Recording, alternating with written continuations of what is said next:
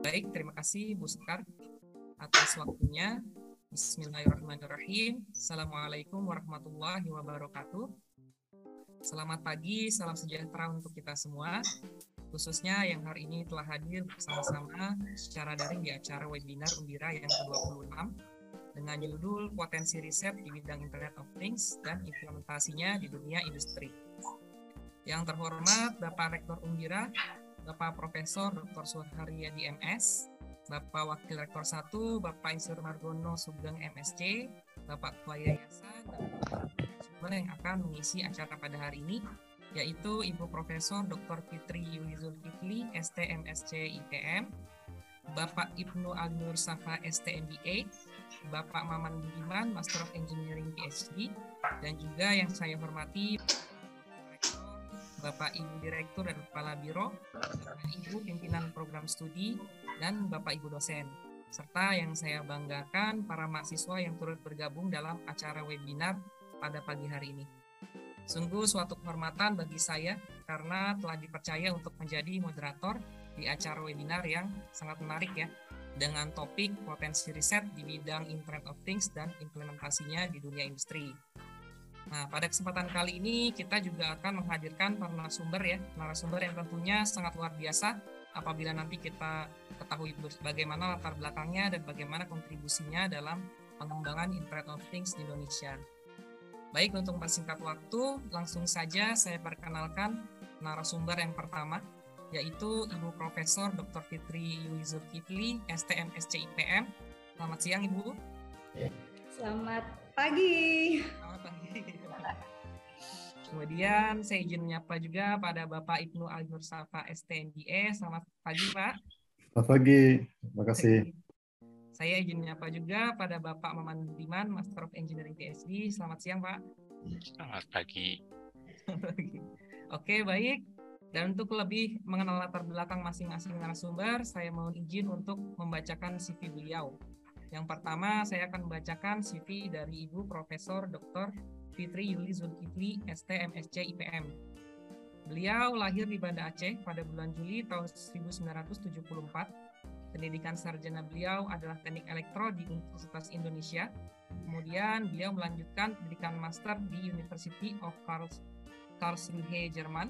Dan juga beliau mendapatkan gelar doktor di Universitas Indonesia. Beberapa penghargaan yang beliau dapatkan di antaranya adalah First Winner kategori Public Excel Award Writing Contest 2005, penghargaan penulis jurnal internasional pada tahun 2008 dari Universitas Indonesia, kemudian Best Lecturer Award tahun 2011 dari Universitas Indonesia, pada November 2017 beliau dikukuhkan sebagai guru besar tetap Fakultas Teknik di Universitas Indonesia. Kemudian pada tahun 2019 sampai 2020 beliau menjadi Head of Advisory Board for IEEE Indonesia Section dan Committee Member of R10 Conference and Technical Seminar and Conference Quality Management. Beliau juga memiliki beberapa hak paten. Selain itu, kontribusi beliau dalam penulisan proceeding dan jurnal baik itu di level nasional maupun internasional sudah sangat banyak sekali. Saya lihat dari CV beliau. Tapi karena keterbatasan waktu ya, mohon maaf saya tidak bisa membacakan satu persatu. Baik, kita mulai saja ya. Untuk sesi pertama ini, saya serahkan waktu selama 40 menit pada Ibu Profesor Dr. Fitri Zulkifli untuk menyampaikan, menyampaikan materinya. Waktu dan tempat saya persilahkan Ibu Profesor. Ya, baik. Terima kasih sekali atas perkenalannya ya Pak, Ran, Pak Randy ya. ya. Assalamualaikum warahmatullahi wabarakatuh. Ya, saya uh, yang saya hormati Pak Margono Sugeng sebagai Wakil Rektor Undira. Terima kasih juga kepada Pak Galih ya. Uh, saya rasa terhormat untuk dipanggil ke sini ya untuk menjadi salah satu pembicara. Saya sampaikan ke Pak Galih kalau di industri harus panggil Pak Ibnu nih. Maaf ya Pak Ibnu jadi ikut uh, dipanggil ya. Ya nggak apa-apa senang malah saya bisa bergabung ini. Ya jadi uh, nanti saya sampaikan sharing ya saya yang saya ada kerjasama dengan PT Telkom terkait riset IoT. Pak Maman salam kenal Pak baru pertama kali ya, ya ketemu ya. Ya. Terima kasih. Baik, hmm, izin saya share screen. Jadi kira-kira apa nih uh, tema yang saya akan bawakan di sini? Apakah sudah terlihat?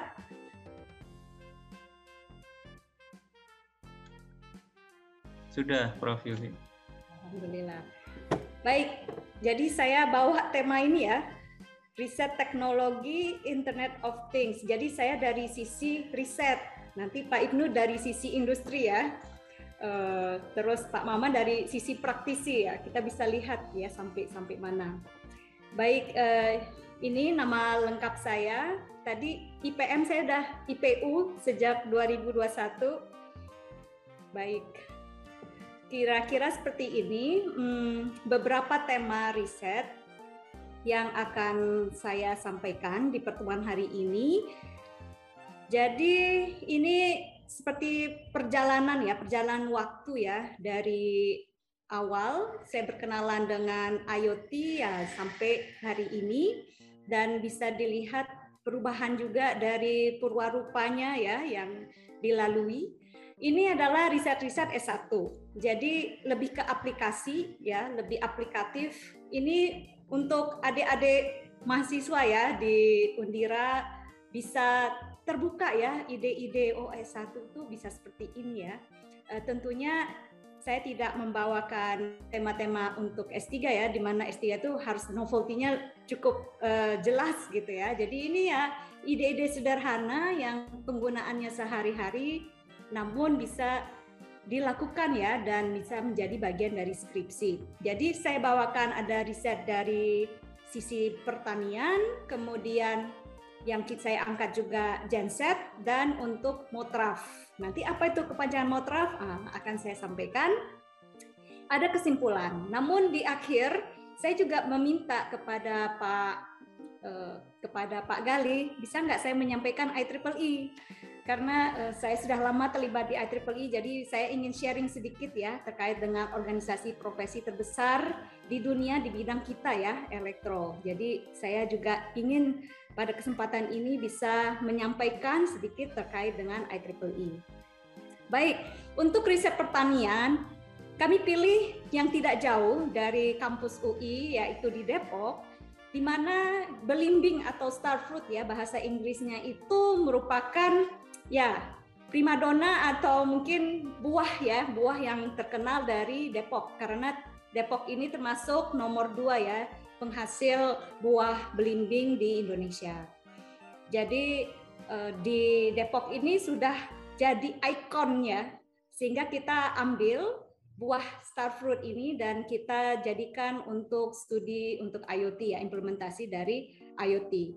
Di sini ternyata buah belimbing itu bukan saja untuk dimakan tapi bisa untuk kosmetik ya, bisa untuk snack ya. Ada yang buat sabun ya seperti ini. Jadi uh, bisa banyak sekali ya manfaat penggunaannya.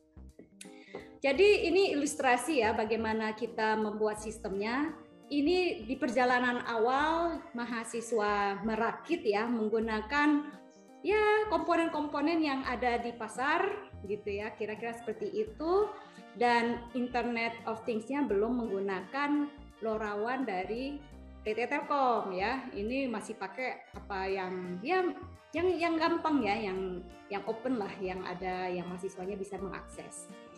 Jadi untuk starfruit ini atau buah belimbing ini apa nih kira-kira yang bisa dipantau melalui IoT? Nah, dicari-cari ini informasinya di buku studi literatur, maka untuk hasil buah belimbing yang bagus, maka ada dua nih yang perlu dilihat yaitu pH-nya harus stabil, ini terkait dengan pemberian pupuk, dan kemudian soil moisture, artinya kelembaban, jadi untuk penyiraman air. Jadi dua sensor ini saja yang diberikan, ya dipasang di IoT, eh, kemudian itu yang kemudian dipantau. Nah, jadi kalau dilihat ya perwarupanya ya, ini kan semua assembling ya, beli-beli-beli, uh, di assembling ya, dirakit, terus ya kita beli kotak ya eh, casing biasa nah jadi jadilah seperti ini ya dengan wiringnya sederhana seperti ini jadi untuk tes ini ada satu master dan kita ada tiga slave ya atau klien ya di mana klien-klien ini kita pasang di perkebunan belimbing dan master ini ya di rumah penduduk ya. Ini kira-kira karakteristik dari IoT yang kita desain atau kita kembangkan. Nah, ini dia kita tempatkan. Jadi master itu kita tempatkan di rumah penduduk ya. Dan ini ada klien yang kita tempatkan di dekat dengan kebun di apa langsung di bawah pohon belimbingnya ya. Dan ini sensor-sensor yang diletakkan di tanah yang berupa pH dan kelembaban. Jadi kita atur juga setiap berapa menit misalnya ini bisa kita atur ya supaya tidak habis baterai juga ya iritan uh, baterai karena memang kan nggak perlu setiap setiap detik ya perlu dikirimin data-data kelembaban dan uh, pH. Kita juga mencoba coverage test ya. Kalau kita dari master ke slave dari jarak 100 meter bagaimana sampai 800 meter. Nah, ini sangat uh, bervariasi. Kita uji tes ada di UI ya, di mana UI itu banyak sekali gedung dan juga hutan ya jadi kita juga bisa mendapatkan hasil-hasil. Jadi kita bisa lihat ya eh, dari RSSI-nya ya ternyata memang ada kendala-kendala. Kalau ada banyak pohon dan sebagainya ya tidak bisa jarak jauh ya mendapatkan eh, sinyal ya pengiriman. Tapi kalau tidak ada halangan apa pun eh, jaraknya bisa lebih jauh. Nah ini adalah tampilan ya yang kemudian kita buat uh, end user interface-nya yang bisa dilihat oleh ya yang pemilik perkebunan ya kira-kira seperti itu. Nah, ini yang bisa dipantau uh, real time ya. Uh, di sini tentu yang dilihat tadi ya, soil moisture, kelembaban tanah dan juga pH.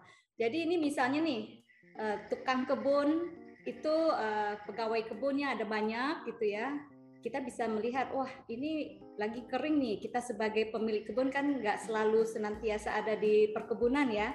Jadi kita bisa memantau melalui internet ya hasil dari sensor dan kita bisa menyampaikan misalnya oh ini pH-nya nih uh, kurang nih tolong tambahin pupuk misalnya seperti itu. Atau nih udah kering nih disiram dan seterusnya ya. Jadi kita bisa mantau. Tapi kalau semuanya oke okay, ya ya sudah ya. Jadi kita sudah uh, rely dari apa uh, petugas di perkebunan ya kira-kira seperti itu. Ya jadi ini salah satu contoh ya di riset. Waktu itu memang mahasiswa menyampaikan bagaimana kalau di kelapa sawit. Sebenarnya mirip-mirip juga gitu ya. Kelapa sawit juga perlu uh, pupuk perlu soil moisture ya. Namun ada lagi dengan angin ya, ada masalah dengan angin juga.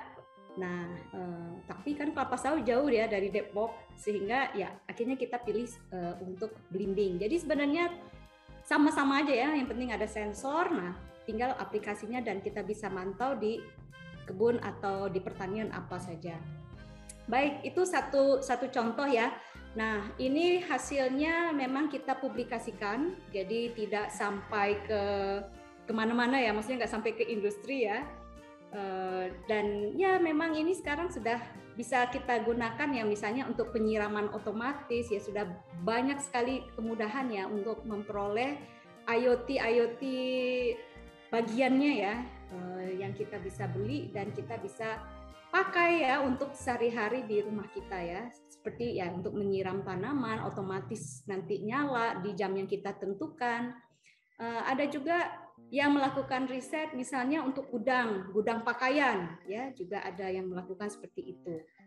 Jadi banyak ya ide yang bisa terbuka. Baik, nah dari dari pengalaman yang satu dan dua ya, maka lanjut ke pengalaman berikutnya. Nah, ini ada ide untuk melakukan riset terhadap genset. Jadi awalnya ide ini karena melihat ya di pertambangan-pertambangan itu remote ya, remote area jadi jauh dari mana-mana tapi tidak ada layanan ya boro-boro 4G ya.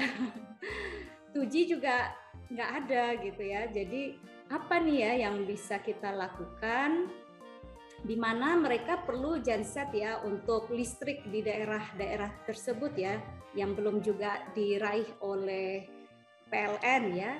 Nah, oleh karena itu genset selalu ada, kemudian perlu kebutuhan untuk bisa mengirim informasi data supaya ya misalnya butuh listrik eh, tidak perlu lagi ya operator yang mungkin senternya di lokasi A harus pergi ke lokasi B yang lumayan jauh untuk menyalakan genset seperti itu. Nah, ini ide awalnya seperti itu ya.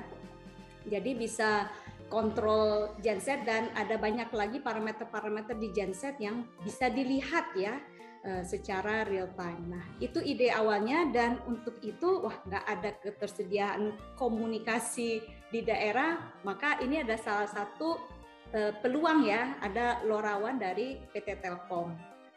Jadi itu yang kemudian kita gunakan untuk eh, riset yang genset. Nah ini dia lorawan kita mencoba ya eh, lorawan kebetulan memang di UI kita sudah ada PKS kerjasama dengan PT Telkom dan mereka sudah menempatkan lo beberapa gateway di kampus UI ya, sehingga kita bisa memanfaatkan untuk riset kita.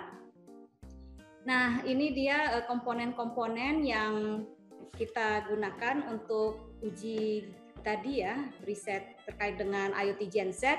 Nah, ini adalah uh, mikrokontrol ini bagian ini dari PT Telkom ya. Jadi yang riset pertama kita beli-beli rakit sendiri gitu ya. Nah, kalau ini kita sudah ada kerjasama dengan Eh, PT Telkom. Jadi PT Telkom ada memberikan nih ya kepada kami beberapa ya waktu di awal ada lima ya lima perwarupa yang mereka berikan.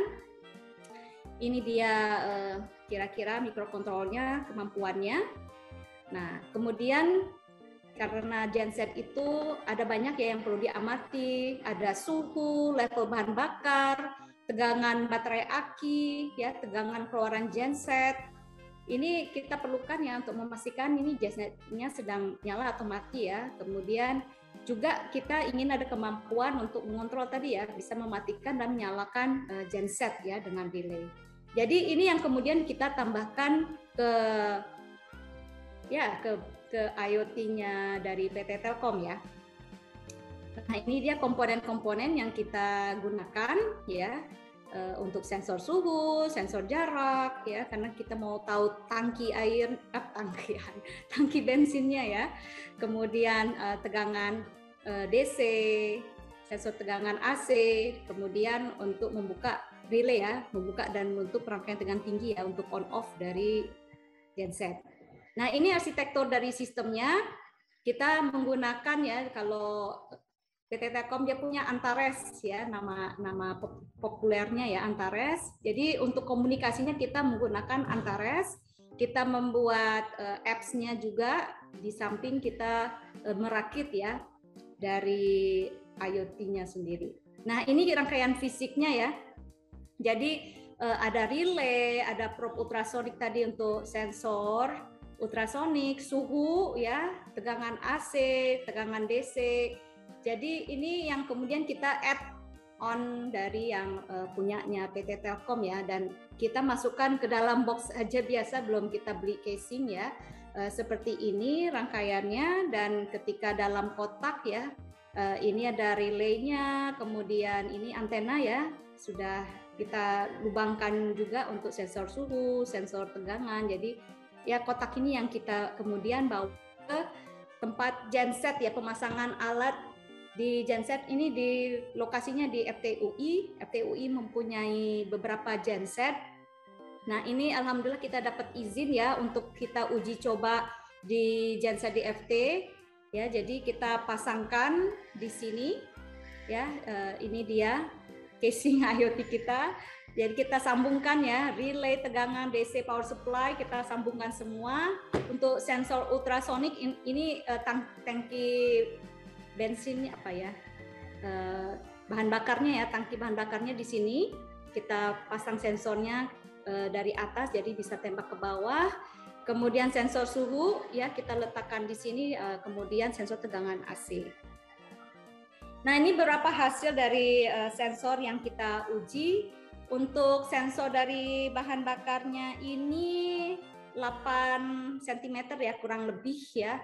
Uh, ini yang karena di tangki itu sendiri ada juga sentimeter atau ya ada penggarisnya jadi kita bisa bandingkan dengan hasil sensor bahan bakar ini. Kemudian untuk grafik temperature ya kita juga uh, ada pasang termometer lagi untuk kita bandingkan dengan sensor suhu yang ada di IoT. Begitu juga uh, grafik tegangan DC, ya ini error kesalahan errornya sekitar 2 volt dan grafik tegangan AC ya kira-kira ada 20 volt ya selisihnya. Ini grafik SNR ya rata-rata minus 8,3 ya, tapi ya eh, ada peak ada ada low-nya ya dan RSSI-nya juga eh, rata-rata minus 113 dBm. Nah, ini tapi masih di level untuk komunikasi ya dengan LoRaWAN. Jadi masih oke. Okay. Nah, ini untuk terkait dengan delay-nya ya, eh, karena tidak selalu kita kirimkan, kita memang atur supaya ada waktu juga ya eh, jeda. Nah, ini kira-kira 0,28 detik ya untuk delay-nya. Ini dia tampilan dari apps ya yang bisa diinstal di handphone ya. Jadi ada home, ada app device misalnya kita mau tambahkan genset. Kemudian kalau semuanya off ya, gensetnya kita matikan. E, kalau ini kondisi on ya AC-nya on ya. Jadi ini yang e, kita bisa klik on off ya ketika kita mau menyalakan e, gensetnya. Ini sedikit video ya ketika kita proses menyalakan uh, genset.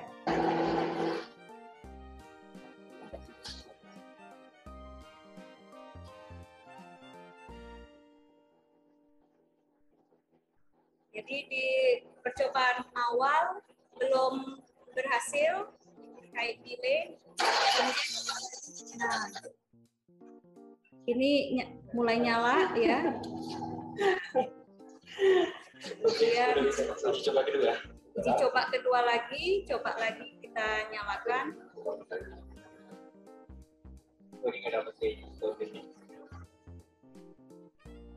Jadi untuk kirim Antares upload, upload apa uplink dumpingnya ah, tadi kita lihat sedikit delay ya. Nah ini coba lagi.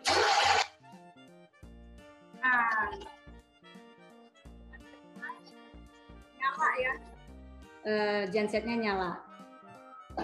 Kemudian kita coba untuk mematikan ya. Jadi bisa dilihat ini nyala ya, kipasnya berjalan. Kemudian kita klik untuk mematikan. Nah, ini kita lihat kipasnya jadi uh, berhenti ya, mati.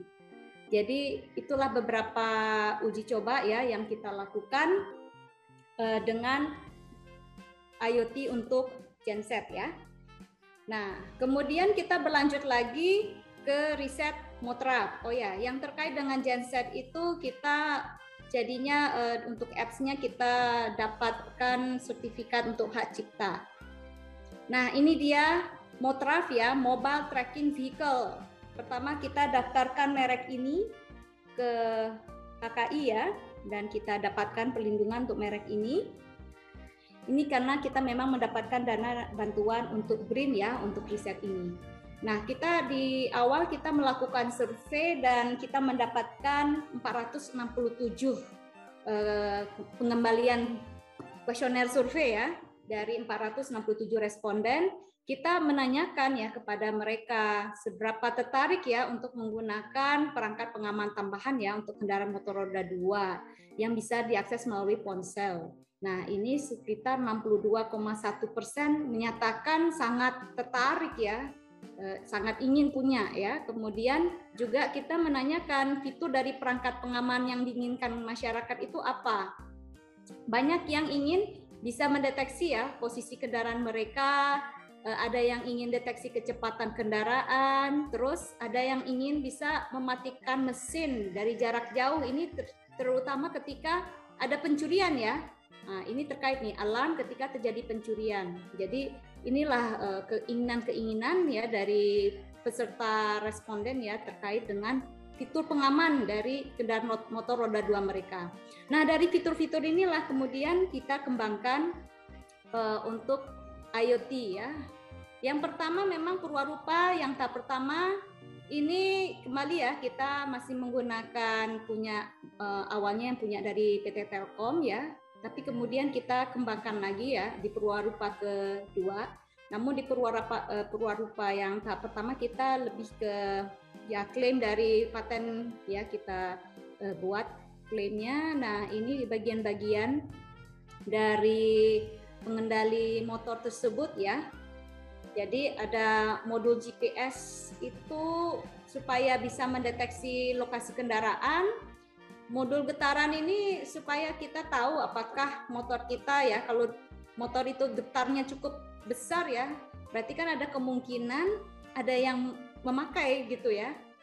Eh, nah, tentu itu bisa memicu alarm nanti yang kirimkan kepada kita ya ketika kita sebenarnya udah dalam kondisi parkir motor tapi kok getar gitu ya pasti nanti uh, bisa dikirim informasi itu kepada kita sehingga kita tahu wah ini siapa nih yang menyalakan motor kita gitu ya jadi kita bisa curiga nah kita bisa mematikan ya ada relay jadi kita bisa mematikan motor yang menurut kita bukan dikendari oleh kita ya. Jadi kita bisa klik apa kita bisa tekan uh, off ya. Jadi motor itu nanti akan shutdown. Jadi kalau memang dicuri orang ya akhirnya ya berhenti itu motor ya nggak bisa lagi dibawa. Jadi kira-kira seperti itu. Ini dia uh, kita uh, mendaftarkan hak cipta dari uh, program apps-nya ya Motraf ini sendiri ada home-nya, kemudian kita bisa tahu tadi juga minta ya mengetahui kecepatan dari motor. Jadi ini juga bisa diperlihatkan, kemudian juga e, lokasinya ada di mana ya. Jadi ini juga bisa diperlihatkan. Ada tambahan lagi tadi ya yang on off ya untuk hidup dan mematikan kalau ada terkait pencurian. Nah, ini dia perwarupa tahap kedua. Jadi yang tadi perwarupa pertama kan uh, cabling dan sebagainya kan kurang rapi. Nah, ini kemudian kita buat lagi ya purwarupa yang tahap kedua. Uh, ini dibantu dengan teman-teman di Telkom. Ya, PT Telkom mereka sudah mahir ya untuk desain untuk PCB board seperti ini. Jadi semua sensor-sensor kita pilih, antena juga kita pilih. Nah, kemudian uh, mereka yang uh, desain di motherboard dan juga untuk untuk soldering soldering ini semuanya sudah juga bisa dipesankan ya eh, via online tapi tentu dari PT Telkom mereka juga sudah punya koneksinya ya yang bisa dipercaya untuk merakit seperti ini. Nah, kalau mau banyak skala besar bisa sih langsung di Cina ya. Tapi kan kita cuman skala kecil ya. Eh, cuman ya hanya sekitar 20 prototip. Jadi ya kita di Indonesia ya, kita buat jadinya di Indonesia sampai casingnya juga kita uh, buatkan di Indonesia ya semuanya. Ya kira-kira seperti ini ya, uh, kecil ya ukurannya hanya dalam milimeter. Ini dia dengan casingnya ya, kita sudah pasang um, merek Motrafnya. Jadi ini dua kabel ini tetap keluar ya untuk tadi ya untuk on off-nya relay ya untuk tersambung ke, ke motor. Nah ini dia casingnya yang tertutup ya. Kemudian nih kita coba pengujian di sepeda motor. Ya ini dia alat motornya kita masukkan di joknya. Dan ini kan kabel tadi ya untuk relay supaya bisa mematikan motor sepeda motor ya ketika ya kita tidak harapkan ada pencurian ya. Jadi uh, juga dipasang ke sini nah ini dia beberapa hasil yang bisa ditampilkan ya. Kita bisa lihat uh, lokasi GPS dari alat Eh, sedangkan ini GPS dari ponsel ya. Kita lihat memang sedikit ada delay karena memang kita untuk uplink downlinknya memang kita tidak setiap detik ya kita pasang berapa detik untuk informasi ya. Sehingga memang akhirnya ada selisih jarak begitu juga di sini kita bisa lihat ya ada selisih jarak antara GPS alat alat yang kita rancang dengan GPS ponsel tentunya ini bisa kita percepat saja misalnya memang kita mau gerak lebih apa kita lagi gerak kita bisa buat lebih cepat tentunya ini juga terkait dengan baterai juga ya, sehingga untuk tiap kirim ya uplink downlink kan uh, tentu butuh sumber energi ya. Jadi uh, seperti ini yang kita pasang uh, dan kita buat ya uh, alat ini juga kita tes ya dengan sensor gerak tadi. Kalau dia diam, uh, kita punya data ya, dia cukup relatif flat. Kalau dia sudah nyala ya, uh, getarannya cukup besar ya, sehingga kita bisa punya throughput. Nah dari throughput itulah kemudian kita set ya, seandainya lewat dari throughput yang kita riset tadi ya dapatkan untuk getar maka bisa uh, kirim alarm ya uh, kepada pemilik dari motor dan kemudian bisa mematikan ya kita bisa mematikan motor tersebut. Jadi terkait dengan riset yang kami sampaikan, maka IoT ini bisa dikembangkan ya untuk berbagai kebutuhan manusia. Jadi banyak sekali peluang riset ya untuk kebutuhan sehari-hari bisa saja kita kembangkan nih. Ini terbuka nih buat adik-adik ya untuk bisa melakukan riset IoT ya untuk berbagai kebutuhan. Kemudian uh, tadi kami di dua riset terakhir itu menggunakan database Antares memang bisa ya tersimpan di sana. Uh, namun di sini juga kita rasakan masih ada kendala ya di sistem telekomunikasinya. Uh, untuk genset itu ya karena dia di dalam ruangan yang tertutup ini sering ya timbul hilang sinyal sedangkan ya eh, tempat lorawan gateway-nya ya pasti melalui hambatan ada gedung dan pohon-pohon ya menuju ke tempat genset. Begitu juga ketika motor ya, motor bergerak gitu ya, eh, timbul on off apalagi joknya ditutup ya. Jadi eh, sering sinyalnya on off.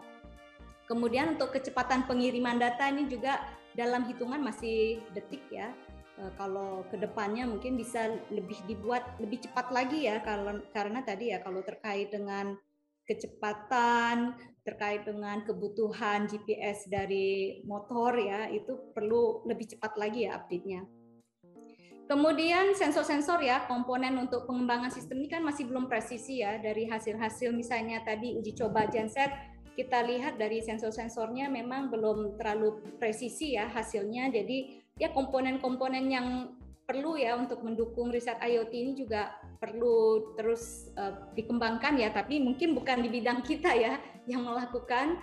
Tapi ini uh, ke future ya. Misalnya kita butuh sensor-sensor yang lebih presisi maka ini sangat terkait dengan komponen yang ada. Kemudian tentu ini perlu usaha keras selanjutnya ya untuk sampai ke masyarakat. Karena dua sampai tiga ya eh, empat riset IoT kami itu ya saya sampaikan ya belum sampai ke masyarakat lah. Jadi yang sampai ke masyarakat paling ya berupa publikasi, kemudian ya kami ada mengajukan hak cipta, tapi ya belum belum lebih dari itu. Nah ini kembali ya ke mahasiswa yang mengerjakan mereka semuanya tidak mau ya untuk membuat startup company. Mereka begitu tamat langsung mau jadi pegawai, langsung mau jadi karyawan dan seterusnya ya. Jadi ini kendala uh, di di bidang riset ya untuk meneruskan karena ya kami yang di perguruan tinggi ini kendalanya ya belum sanggup ya untuk sampai ke sana. Mungkin ada satu dua dosen di UI yang bisa ya fight sampai benar-benar sampai ke masyarakat ya dengan melalui proses semua pengawalan gitu ya. Uh, jadi itu luar biasa bagi yang sanggup tapi kembali lagi ya, ini perlu kekuatan tersendiri ya supaya bisa sampai ke benar-benar sampai ke masyarakat produk tadi. Nah, produk yang perwarupa kedua saja tuh masih punya kelemahan ya sehingga eh, sebelum sampai masyarakat tentu perlu lagi ya eh, desain lagi untuk sampai ke masyarakat ya. Jadi yang perwarupa dua juga belum belum ya belum sempurna lah untuk sampai ke masyarakat. Jadi kira-kira uh, seperti itu ya uh, terkait dari riset IoT. Eh, baik, uh, saya lanjutkan sedikit lagi ya. Mudah-mudahan dalam lima menit bisa saya sampaikan.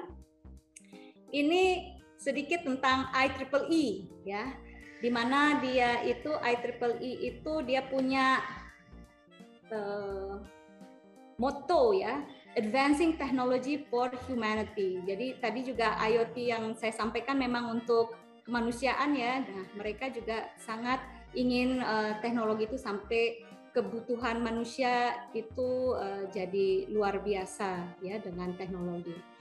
Nah, apa saja nih uh, kegiatannya? Tadi di awal saya sampaikan bahwa IEEE itu merupakan organisasi profesi terbesar di dunia ya di bidang elektro Uh, tapi di dunia ya organisasi profesi terbesar di dunia. Jadi uh, patut ya acungkan jempol untuk IEEE ya. Ini ini adalah kepanjangannya, namun dia sudah melebar sekali ya uh, studinya ya nggak di electrical elektronik saja, tapi sudah melebar. Kita bisa lihat dari 39 technical society-nya ya.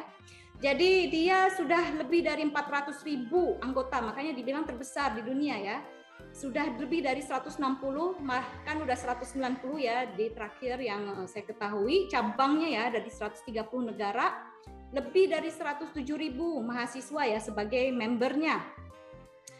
Nah ini dia ya eh, detail-detail ya yang uh, besaran dari IEEE ya tadi ya dia punya 39 technical society.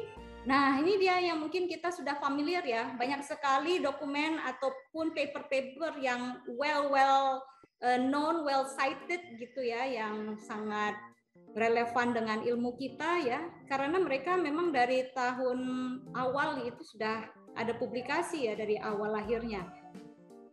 Jadi ini luar biasa ya uh, portofolionya.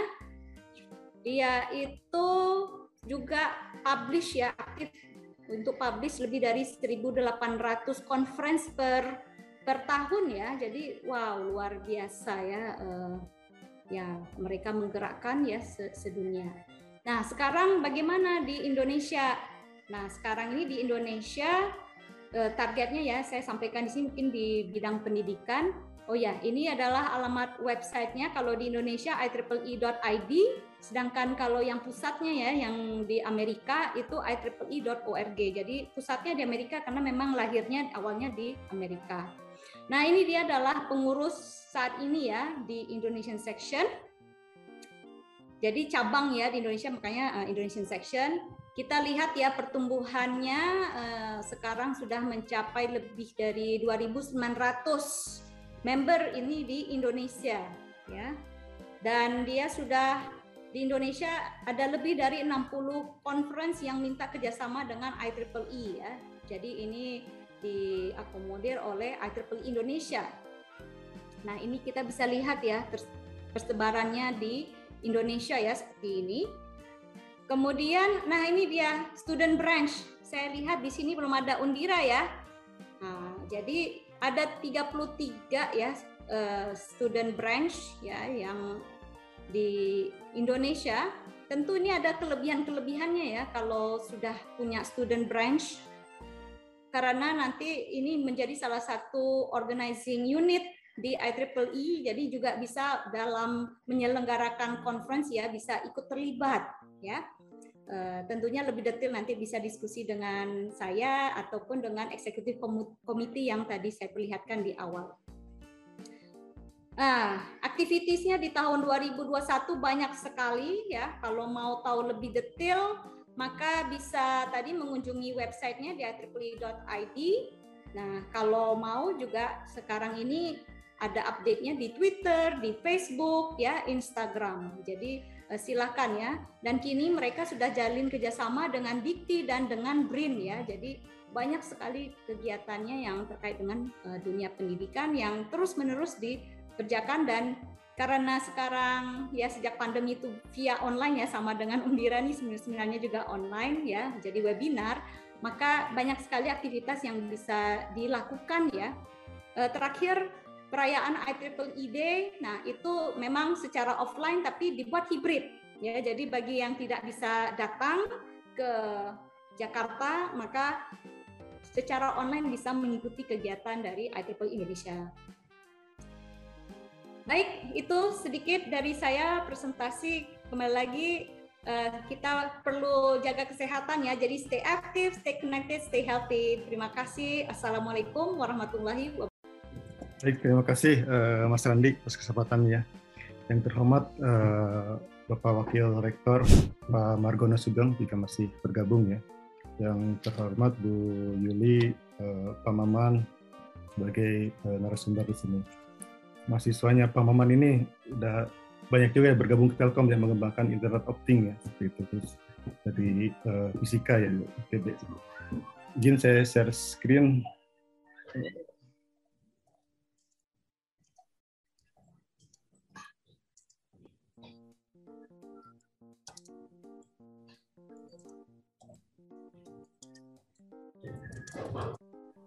Sudah kelihatan ya, sudah jelas ya? Sudah terlihat Pak. Ya. Jadi uh, materi hari ini adalah judulnya adalah potensi riset di bidang Internet of Things IoT dan implementasinya di dunia industri. Jadi kami dari Telkom itu kan sebenarnya lebih ke arah bisnis ya, bagaimana implementasinya. Teman-teman di Undira lebih banyak ke bidang uh, riset, gitu, riset dan pengembangannya. Nah, ini kan kuncinya adalah implementasi di dunia industri. Jadi pertanyaannya bagaimana supaya hasil riset itu bisa diimplementasikan di bidang uh, industri gitu kan. Jadi tidak hanya sebatas riset, jadi paper, tetapi uh, tidak bisa uh, dimanfaatkan oleh masyarakat, dikomersialisasikan itu kan menjadi suatu bisnis. Nah, salah satu yang paling penting adalah ketika kita melakukan riset atau mengembangkan produk itu harus jelas dulu kita ini akan mensolusikan masalah apa di masyarakat. Apakah itu masalah terkait dengan lingkungan, eh, energi, atau kesehatan, itu. Baru nanti kita eh, melakukan riset. Bagaimana menyelesaikannya itu? Ya, kalau di IoT berarti risetnya bidang IoT. Apakah mengembangkan suatu device, aplikasi yang berbasis IoT, atau apa pun lah seperti itu. Nah, kadang teman-teman ini di riset itu tidak ya riset sebatas riset, tapi tidak tahu nanti implementasinya seperti apa. Nah, itu bagusnya seperti itu. Uh, tadi dari Prof. Yuli kan sudah sampaikan tuh ada survei, kemudian juga ada apa namanya uh, kegiatan riset lah, uh, mengetahui kebutuhan pelang, kalian pelanggan itu ya. Itu sudah baik karena berarti kita uh, melakukan riset itu menyelesaikan suatu problem yang dihadapi oleh masyarakat kalau bisa menyelesaikan problem, berarti ketika dikomersialisasikan, mereka uh, berniat untuk membeli itu, uh, berniat membeli sehingga bisa jadi komersial. Ya. Nah, uh, di sesi sekarang ini uh, saya akan menyampaikan apa yang uh, bisa kami PT Telkom support gitu kan dalam rangka riset ini dan bagaimana implementasinya. Nanti saya sharing terkait dengan pengalaman-pengalaman kami di Telkom ketika mengimplementasikan IoT di dunia industri.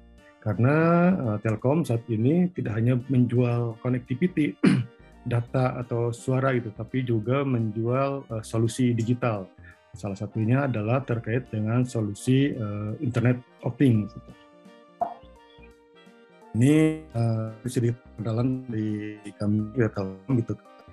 Jadi untuk untuk uh, Internet of Things uh, itu adalah salah satu uh, pilar pertumbuhan di PT Telkom, uh, Telkom Group, baik itu Telkom, Telkomsel atau anak-anak perusahaannya, itu salah satu pilar pertumbuhannya sebetulnya. Jadi uh, produknya di Telkom, ya ini umbrella brandnya adalah uh, Antares. Jadi Antares ini dari tiga uh, bagian atau subproduk, yaitu Antares uh, platform, antara connectivity, uh, kemudian antara solution. Antara solution inilah yang uh, di apa namanya dirasakan oleh pelanggan sebagai solusi yang menyelesaikan permasalahan-permasalahan di uh, lapangan yang mereka hadapi. Nah ini Antares platform uh, ini uh, Antares suatu platform yang open, teman-teman bisa menggunakan ini uh, berdaftar kemudian menggunakannya di sana ada dokumentasi, ada bagaimana cara uh, menggunakannya, mendaftar. Nah, itu bisa uh, masuk ke website antares.id.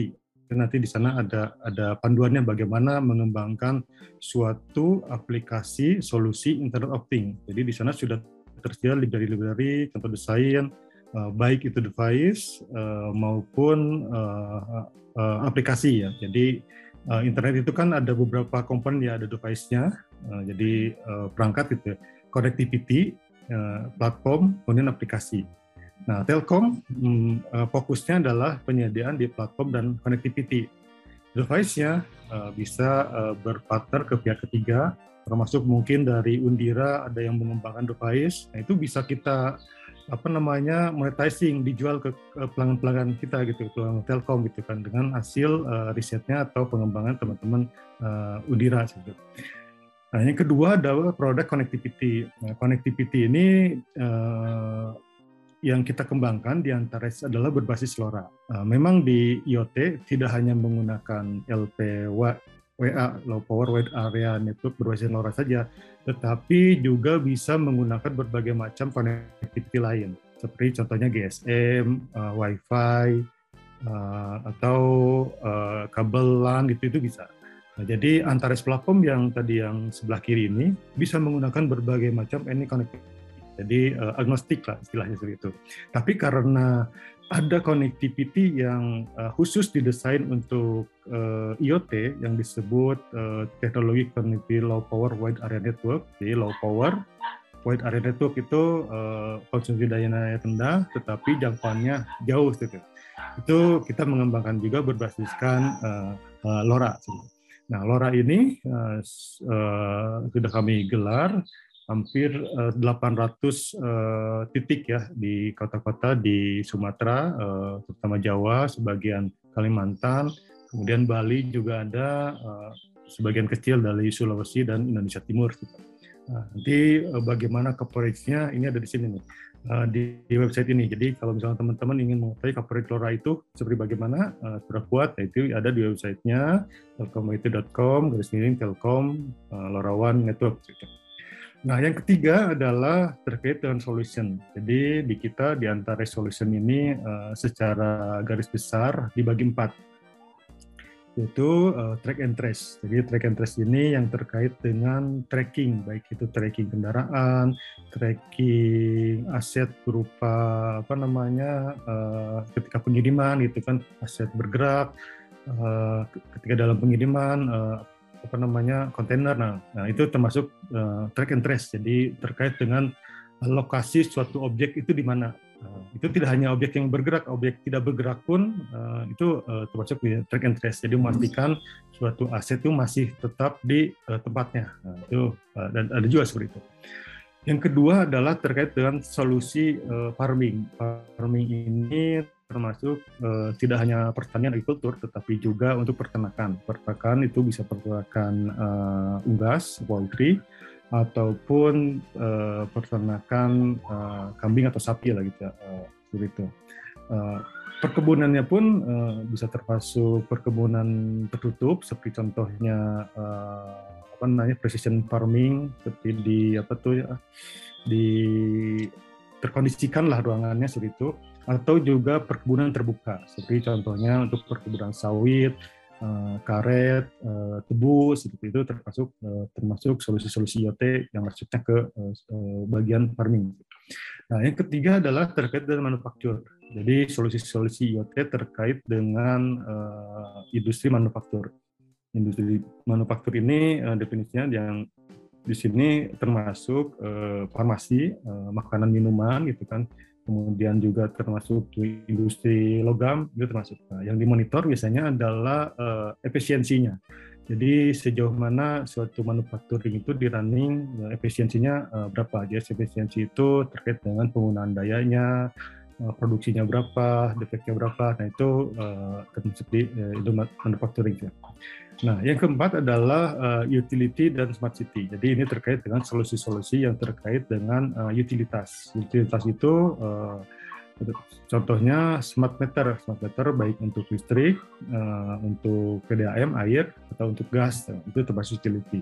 Juga termasuk solusi-solusi untuk uh, penerangan jalan umum. Ini termasuk di uh, utility dan smart city atau juga uh, solusi-solusi yang terkait dengan environment. Contohnya untuk deteksi banjir, kebencanaan. Nah ini termasuk di IoT Smart City. Nah ini mungkin sedikit pengenalan sekilas. Jadi kalau di IoT itu ada sisi device-nya di perangkat-perangkat, kemudian ada sisi jaringannya network, kemudian di sisi aplikasi sedikit ya. Nah, ini uh, berbeda dengan produk digital lainnya. Produk digital lainnya biasanya kan aplikasi saja gitu. Seperti contohnya aplikasi marketplace contohnya itu. Itu kan biasanya uh, dia fokusnya di uh, aplikasi uh, mobile app atau web gitu. Nah, itu biasanya tidak fokus di uh, device. Dan di IoT itu tidak seperti itu. Jadi harus ada device-nya yang terhubung ke internet dan bisa dikontrol atau dimonitor oleh suatu uh, aplikasi. Ini uh, yang kami lakukan gitu kan, uh, yang tadi uh, Antares itu kan. Jadi kami juga uh, menyediakan connectivity, baik itu LoRa ataupun non LoRa. Uh, kalau LoRa uh, disediakan dengan brandnya Antares juga. Kemudian juga kita support application developer karena Antares ini kan sebenarnya platform, ada di tengah. Jadi lebih uh, kita mensupport ke teman-teman uh, developer ingin mengembang aplikasi ini sudah tersedia API-nya, platformnya seperti Jadi uh, kalau dulu sebelumnya kita harus uh, apa namanya uh, sewa server, cloud gitu kan. Ini disediakan oleh Antares. Jadi teman-teman cukup uh, mengembangkan mobile app-nya saja misalkan atau web ambil datanya ke Antares. Ini yang disebut uh, aplikasi development. Kemudian juga kita juga uh, support ke uh, perusahaan hardware manufaktur. Seperti saya tadi sampaikan, uh, internet of things kan perlu ada device. Berarti kita harus melakukan pengembangan device, alat-alat uh, itu kan. Uh, pengembangannya bisa dilakukan sendiri oleh Telkom, uh, in-house gitu kan, atau juga bekerjasama uh, dengan lembaga riset atau uh, device manufaktur, uh, design house gitu ya. Nah, Telkom ini uh, karena kebutuhannya cukup besar developing, juga kita bekerja sama dengan penyedia penyedia uh, chipset. Jadi uh, beberapa apa namanya penyedia chipset uh, khususnya MCU, uh, MCU itu uh, microcontroller ya uh, yang untuk IoT itu uh, juga penyedia modul-modul uh, untuk connectivity. Uh, contohnya kalau di LoRa itu Semtech misalnya atau uh, microcontroller dengan ST Micro gitu ya. Uh, itu kita kerjasama. Uh, maksudnya apa? Maksudnya ketika ada uh, kita memerlukan suatu mass production, itu kita sudah bisa mengamankan supply chain-nya. Jadi ketika kita ada kebutuhan yang masif di utility gitu, itu sudah diamankan supply dari microcontroller. Karena di Indonesia kan tidak ada pabrik tuh microcontroller tersebut. Dan apalagi saat ini microcontroller uh, semiconductor khususnya itu sedang ada kelangkaan itu jadi uh, kalau misalkan nanti teman-teman sudah mengembangkan produk mass production, nah kita bantu Telkom untuk uh, mass productionnya dari segi supply. Gitu. Karena mungkin saja nanti teman-teman uh, hasil risetnya uh, dibutuhkan oleh masyarakat dan perlu banyak, kalau tidak ada device kan tidak bisa supply juga tuh, uh, produknya gitu. Nah, itu kita amankan di sisi uh, supply-nya. Nah, kemudian juga uh, memungkinkan adanya semacam uh, data analitik. Jadi uh, dari IoT itu kan banyak sekali data-data dari sensor yang dikirim masuk ke apa namanya ke Antares. Nah, kita menyediakan juga semacam data analitik, insight datanya sehingga menjadi suatu apa namanya insight yang berguna. Contohnya, jadi, ada beberapa apa namanya sensor misalkan Eh, kita pasang sensor pergerakan aset gitu kan. Itu bisa ketahuan dan analitiknya uh, itu uh, apa yang terjadi di sana? Apakah akan terjadi uh, kelangkaan uh, suatu produk misalkan itu? Atau misalkan kalau kita, yang kita apa namanya kita monitor adalah misalkan uh, suatu apa namanya uh, pupuk misalkan itu yang kita lakukan ya. Nah itu bisa dianalisa nih. Uh, pupuk ini Eh, ketika di ada sensor IoT bisa ketahuan itu ada di mana saja sekarang numpuknya dan apa akibatnya terhadap pertanian. Nah, itu bisa uh, bagian dari uh, data analitik. Jadi IoT uh, tidak hanya uh, uh, apa mengumpulkan data, tapi agar berguna itu harus di analitik. Nah, jadi uh, tugas IoT sebenarnya mengumpulkan data sampai uh, menampilkan lagi. Kan.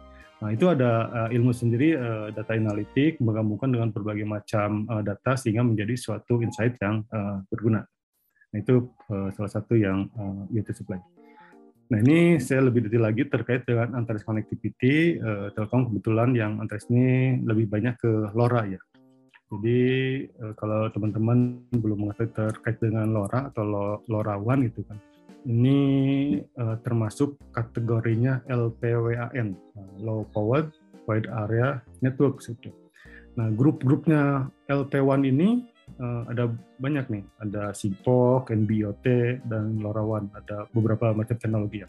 Tapi kami di Telkom uh, fokus di menggunakan uh, teknologi LoRa berbasiskan protokol uh, LoRaWAN. Karena kami yakin bahwa ini ekosistemnya akan uh, apa namanya mendukung gitu ya. Jadi ketika kita memilih suatu teknologi connectivity harus dipikirkan juga. Apakah uh, industrinya ke arah sana atau tidak? apakah device-nya atau ke semikonduktornya tersedia atau tidak dan bagaimana uh, dukungan komunitas dan sampai nanti ketika kita memilih salah satu teknologi ternyata yang menggunakan hanya Telkom saja tuh nah, itu bahaya juga berarti uh, tidak ada yang menggunakan itu kan dan tidak akan menjadi suatu produk yang uh, digunakan secara masif gitu. Nah, LP1 ini keunggulannya low power area Jadi kalau teknologi lain seperti contohnya Bluetooth itu low power.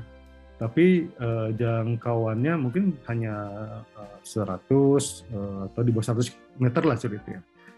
Atau yang. Uh, uh, uh, WAN itu seperti contohnya uh, GSM. GSM bisa jauh gitu, bisa sampai 2 kilo, 5 kilo gitu kan tetapi boros baterai maka dia harus melakukan sinkronisasi dengan server sehingga uh, kalau kita menggunakan uh, 2G, uh, 3G atau GSM lah, itu device-device-nya harus dicas setiap hari tuh. Sedangkan ada beberapa device IoT yang memerlukan uh, apa namanya pengukuran di lapangan itu dan di sana tidak tersedia catu daya. Nah, uh, berarti berarti harus menggunakan uh, baterai operated uh, yang bisa bertahan lama gitu ya, bisa sampai bertahun-tahun, tetapi jangkauannya uh, jauh. Nah, itu berarti ini menyelesaikan masalah terkait coverage dan power supply LP1 ini. Tapi itu ada kelemahan juga. LP1 tidak bisa untuk pengiriman data yang besar. Jadi contohnya mengirimkan data gambar atau suara atau video lewat LoRaWAN itu tidak bisa karena LoRaWAN didesain hanya untuk telemetri yang kecepatan datanya uh, kecil. Jadi misalkan contohnya untuk pengukuran suhu, misalnya lokasi gitu kan, atau ketinggian air misalkan uh, muka air misalnya itu bisa lebih bersifat telemetri menggunakan LoRaWAN. Tapi uh, keunggulannya adalah jarak jauh dan hemat uh, baterai. Nah itu cocok untuk Internet of Things. Nah ini uh, Antares Connectivity yang berbasis LoRaWAN ini kita sudah uh, apa namanya uh, mem, mem, apa, memasang gateway ya namanya itu gateway kalau WiFi itu akses point lah gateway di tower-tower Telkom di Sumatera, uh, Jawa, Bali, sebagian kecil uh, di Kalimantan, uh, kemudian uh, Papua. Nah, status saat ini udah ada beberapa juga, udah penambang sekitar 800-an ya saat ini di tahun ini termasuk di uh, beberapa Sulawesi. Jadi di apa namanya di Jakarta uh, itu sudah tercover mungkin sampai 80 persen 80 persen lebih ya termasuk di uh, kampusnya Undira saya kira ini sudah sudah tercover oleh loranya Telkom jadi teman-teman nanti bisa coba tuh menggunakan loranya Telkom mengembangkan suatu aplikasi Internet of Things menggunakan connectivity uh, Antares ini. Nah ini mungkin lebih ke ini ya tadi sudah saya sampaikan juga uh, LoRa lebih low power tapi wide area. Uh, kemudian juga kita menggunakan protokolnya LoRaWAN. LoRaWAN, LoRaWAN dan LoRa itu beda ya. LoRaWAN itu protokol cara komunikasinya. Kalau itu modulasi jadi level bawah gitu uh, LoRaWAN ini uh, atau komunikasi yang didefinisikan oleh LoRa Alliance. Jadi ada satu uh, organisasi LoRa Alliance yang mendefinisikan terkait dengan protokol-protokol LoRaWAN. Jadi protokol itu cara berkomunikasinya ya, ketika bagaimana cara kita mengirimkan data, menerima data, handshaking-nya gitu kan, atau bahasanya lah gitu bahasa umumnya antara device dan network seperti itu. Tergabung ke LoRa Eh, menggunakan LoRaWAN yang didefinisikan oleh LoRa Alliance. Nah, Telkom uh, satu uh, member dari LoRa Alliance tersebut. Nah, ini mungkin beberapa sekilas terkait dengan LoRa, koneksi LoRa. Ini baterainya bisa uh, panjang gitu kan, uh, low cost karena uh, sederhana gitu kan. Kemudian uh, di Telkom ini termasuk uh, menggunakan positif terkait dengan uh, jaringan LoRa-nya karena kita sebagai operator gitu kan, sebagai operator publik untuk LoRa, jadi kapasitas uh, perlu diperhitungkan uh, dengan baik. Kemudian juga chain berarti kita pernah coba gitu di Bali itu sampai dengan 38 uh, km ya. Uh, itu uh, apa namanya uh, apa namanya kondisinya cukup mendukung lah. Tapi rata-rata di kota besar itu uh, kurang dari uh, 5 km sih. Jadi uh, rata-rata 2 sampai 5 km. Tapi daerah yang agak bagus sampai 15 km. Jaraknya ya dari device ke uh, uh, kita. Kemudian bisa bidirectional, jadi tidak hanya mengirimkan data, tapi juga menerima data. Menerima data ini contohnya kalau kita mempunyai sensor, uh, contohnya tadi untuk menghidupkan atau mematikan genset, berarti kan harus ada uh, perintah dari server gitu kan, berarti itu downlink. Tapi ketika kirimkan data parameter genset tadi misalkan uh, kondisinya gitu itu berarti uh, ke arah uplink. Jadi bidirectional ini uh, terminologi adalah uh, bisa menerima atau mengirim data di device.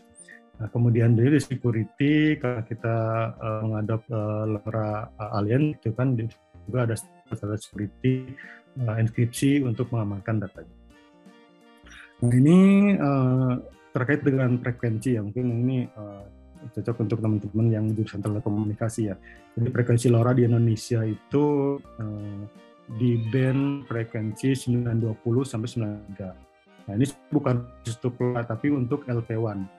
LPWA yaitu Low Power Wide Area Network. Jadi LPWA ini di 920 MHz sampai 923 MHz. Nah, di dalamnya kita bisa gunakan untuk uh, LoRa yang yang menggunakan eh, standar ini adalah LoRa itu AS 923 strip 2. Nah, itu berarti sudah comply dengan uh, standarnya Indonesia situ.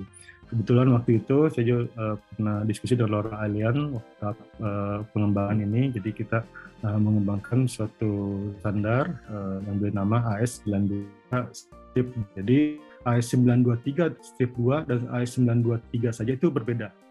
Berbeda uh, di uh, frekuensinya sedikit berbeda. Nah, ini uh, besaran teknisnya yang di uh, apa namanya yang diregulated oleh Kominfo. Dan selain sisi frekuensi juga dari powernya, power itu penguatan dayanya ketika kita ngirim apa namanya uh, sinyal gitu kan ini uh, cukup kecil sekitar 100 miliwatt atau kalau di dBm itu minus 20 dBm gitu ya. Nah, itu apa namanya itu uh, tidak boleh uh, dari sana gitu ya. Kemudian juga ada beberapa parameter-parameter uh, lainnya gitu. Nah ini uh, tadi ada connectivity, mungkin kita lebih ke Antares platform. Jadi Antares platform ini open platform, jadi teman-teman bisa menggunakannya uh, di mana pun gitu ya. Uh, di sana uh, kita apa namanya ada beberapa kapabilitas. Selain tadi penyimpanan data, juga ini tersedia Open API. API itu adalah suatu apa namanya application program interface uh, bagaimana kita mengirim data, mengambil data itu didefinisikan oleh API. Jadi ada API-nya ya. API yang di antara itu eh, bisa menggunakan beberapa jenis API. Ada itu MQTT uh, protokolnya ya, itu HTTP atau uh, COAP itu. Itu protokol-protokol umum yang ada di uh, Antares. Nah ini uh, Antares platform uh, seperti saya tadi uh, itu kan uh, menjebatani antara devices dan aplikasinya. Nah devices devices ini di Antares nanti teman-teman uh, bisa lihat Eh, di sana ada berbagai macam tutorial bagaimana mendesain, membuat suatu aplikasi IoT di device menggunakan berbagai macam uh, microcontroller yang umum ada di pasaran. Uh, salah satu yang yang umum itu ada berbasis Arduino. Itu ada tutorial yang step by stepnya gitu kan. Contoh programnya pun ada di sana. Berbasiskan SP 8266 atau SP juga ada di sana Raspberry juga ada di sana. Jadi uh, ketika teman-teman ingin mengembangkan suatu aplikasi IoT, contoh saja di sana uh, tutorial ikuti tutorial ya contohnya. Kemudian aplikasikan dan modifikasi. Nah ini contohnya misalkan gini, uh, kalau ketika kita ingin mengembangkan suatu aplikasi sensor suhu gitu kan, di, di situ sudah ada uh, contohnya tuh di uh, antar situ. Nah, itu uh, hal yang sama dengan modifikasi, kita bisa sensor suhu itu diganti dengan sensor yang lain. kelembaban misalkan atau sensor ketinggian uh, atau sensor jarak ketinggian air atau sensor tekanan itu bisa bisa digunakan. Yang, yang membedakan adalah uh, sensornya yang tepat itu apa? Uh, basis programnya itu uh, sama. Nah selain tadi apa namanya uh, Arduino, uh, Raspberry juga ada kita beberapa development board yang uh, spesifik lebih teknologi connectivity. So, contohnya tadi untuk LoRa, untuk GPRS, untuk NB-IoT, uh, berusia GSM itu ada. Nah, selain sisi device, juga di sana juga ada tutorial bagaimana kita mengembangkan suatu aplikasi uh, Android mobile app, uh, baik menggunakan Android Studio maupun uh, yang paling mudah itu MIT Inventor. Gitu. Inventor itu sebenarnya teknologi uh, click and drag untuk membuat aplikasi. Nyaris kita tidak perlu tahu bahasa pemrograman, karena mungkin teman-teman ini jurusannya bukan jurusan pemrograman semua nih saya yakin ini ada jurusan uh, elektro misalkan gitu.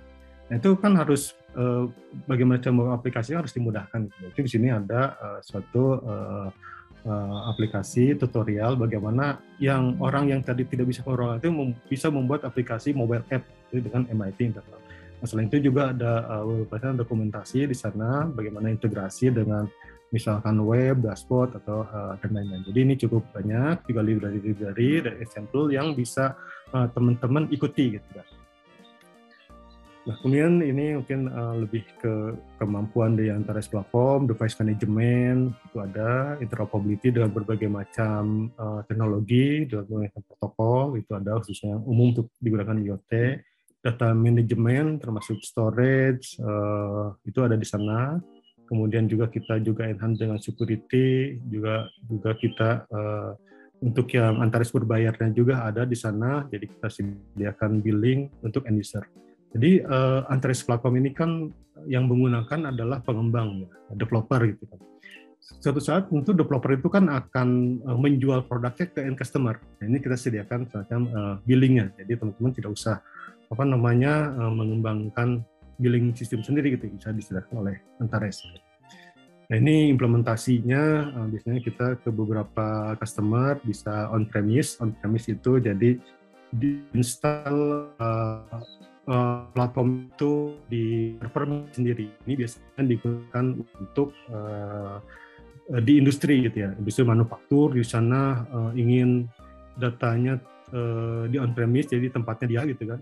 Nah, itu kita bisa implementasinya atau juga private jadi private ini adalah Antares yang khusus di cloud gitu kan di server di cloud uh, tapi khusus untuk customer tersebut nah, jadi kalau on-premise itu ada hardware-nya di uh, di tempatnya dia gitu kan kalau private cloud itu uh, cloud-nya servernya di uh, cloud itu di jaring aku juga public cloud. Jadi public cloud ini seperti antares.id itu sebenarnya public cloud. Jadi teman-teman tidak usah uh, menyediakan server atau uh, cloud tersendiri. Gunakan saja public itu. Uh, digunakan sama-sama. Jadi teman-teman menyimpan data, mengambil data, dan berinteraksi dengan uh, aplikasi atau devices-nya. Ketiga, hybrid. Jadi hybrid ini uh, apa uh, antar gabungan antara private dan uh, public. Nah, ini kita Antares uh, sudah tersertifikasi secara global gitu kan. Jadi kalau saya sampaikan cara berkomunikasi dengan Antares itu menggunakan uh, kemudian kapabilitasnya itu uh, sudah ada berapa ada 12 itu bukan mau-maunya Telkom ini. Kita beriper ke suatu standar. Standar yang namanya itu One M2M ini kita sudah tersertifikasi sejak tahun 2019 oleh TTA uh, itu satu uh, atau badan standar uh, dunia. Ini gabungan dari uh, beberapa badan standar uh, telekomunikasi atau device yang lainnya. Di sana ada standar dari ETSI, kemudian TIA dari Amerika, uh, dari Korea uh, yang bergabung uh, menjadi apa namanya menerapkan suatu badan standar yang disebut uh, one m 2 m Nah, ini bisa dilihat di uh, website-nya one m 2 m.org.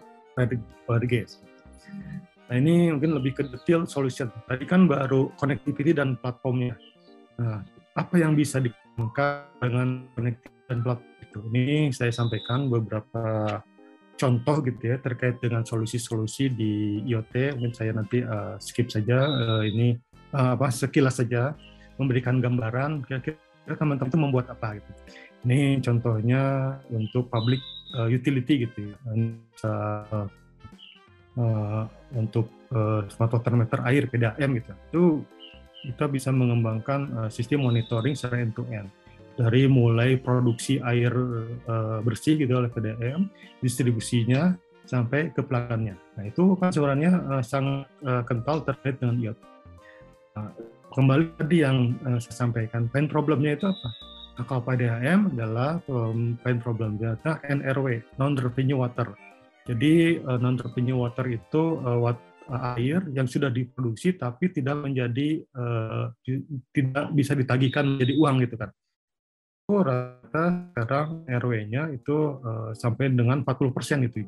Jadi kalau misalnya 100 kubik air yang diproduksi, yang jadi uang itu uh, hanya yang tidak jadi uang itu 40 persen terbuang entah mana lagi, entah kebocoran dan lain-lain, tidak lagi atau apa pun lah gitu.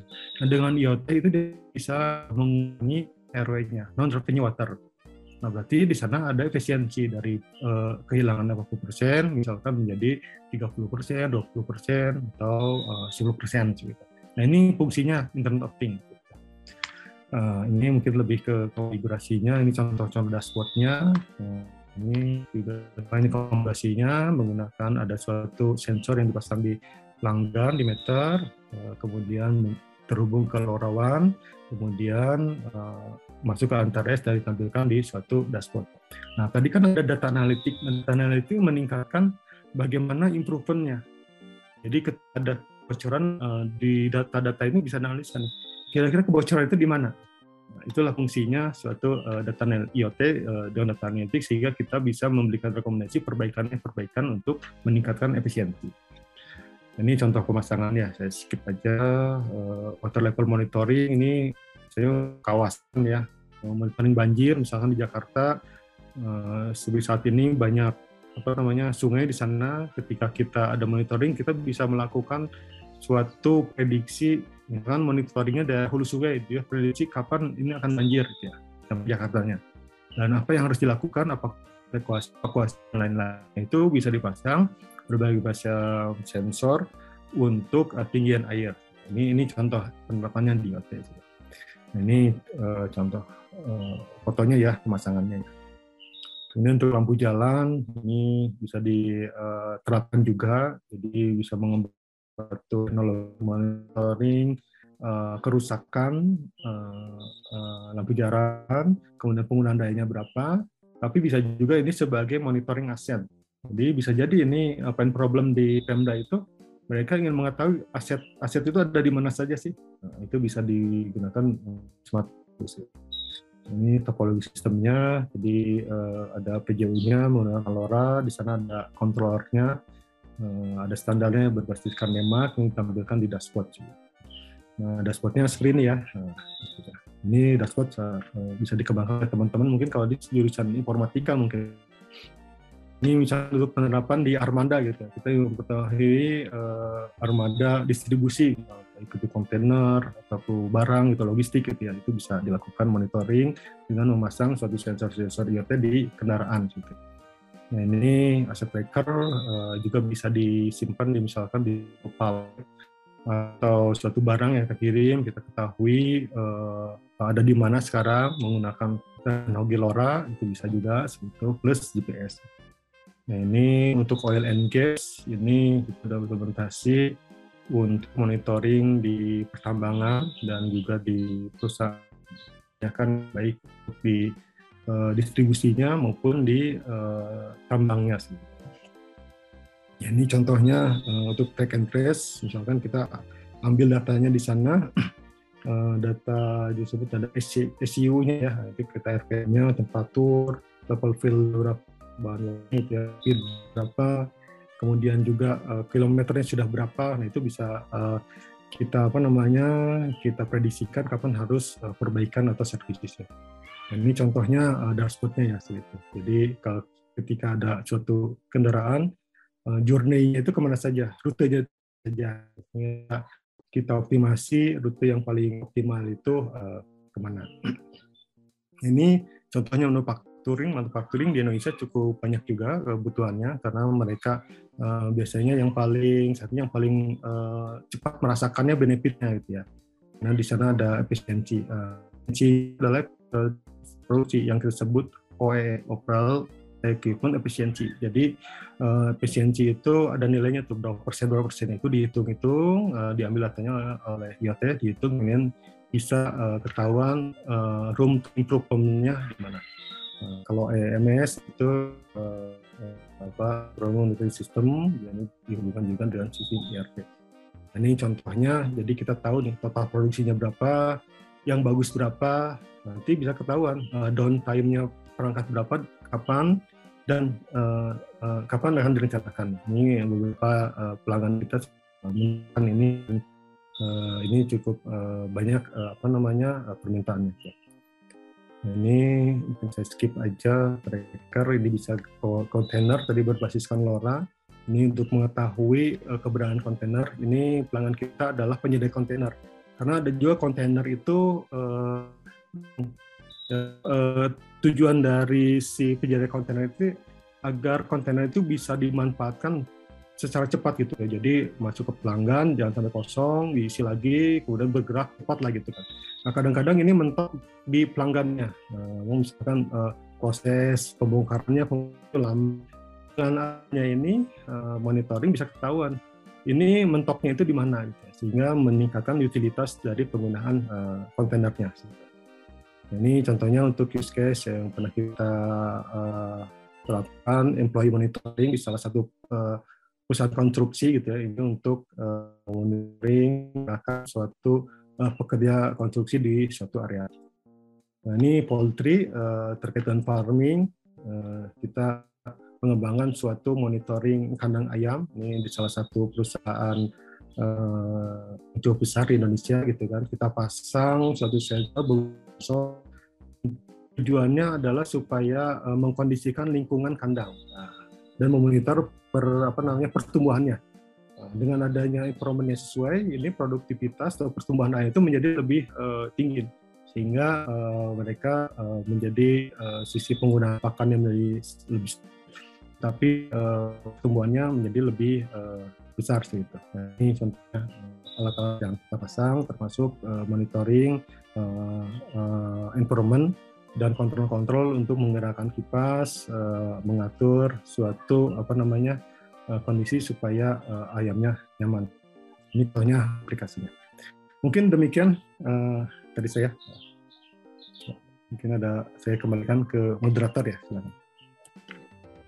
Baik, terima kasih Bapak moderator. Apakah suara saya bisa didengar? Terdengar, Pak. Ya. Baik, terima kasih. Uh, saya diberi kesempatan untuk coba uh, share tentang IoT ya.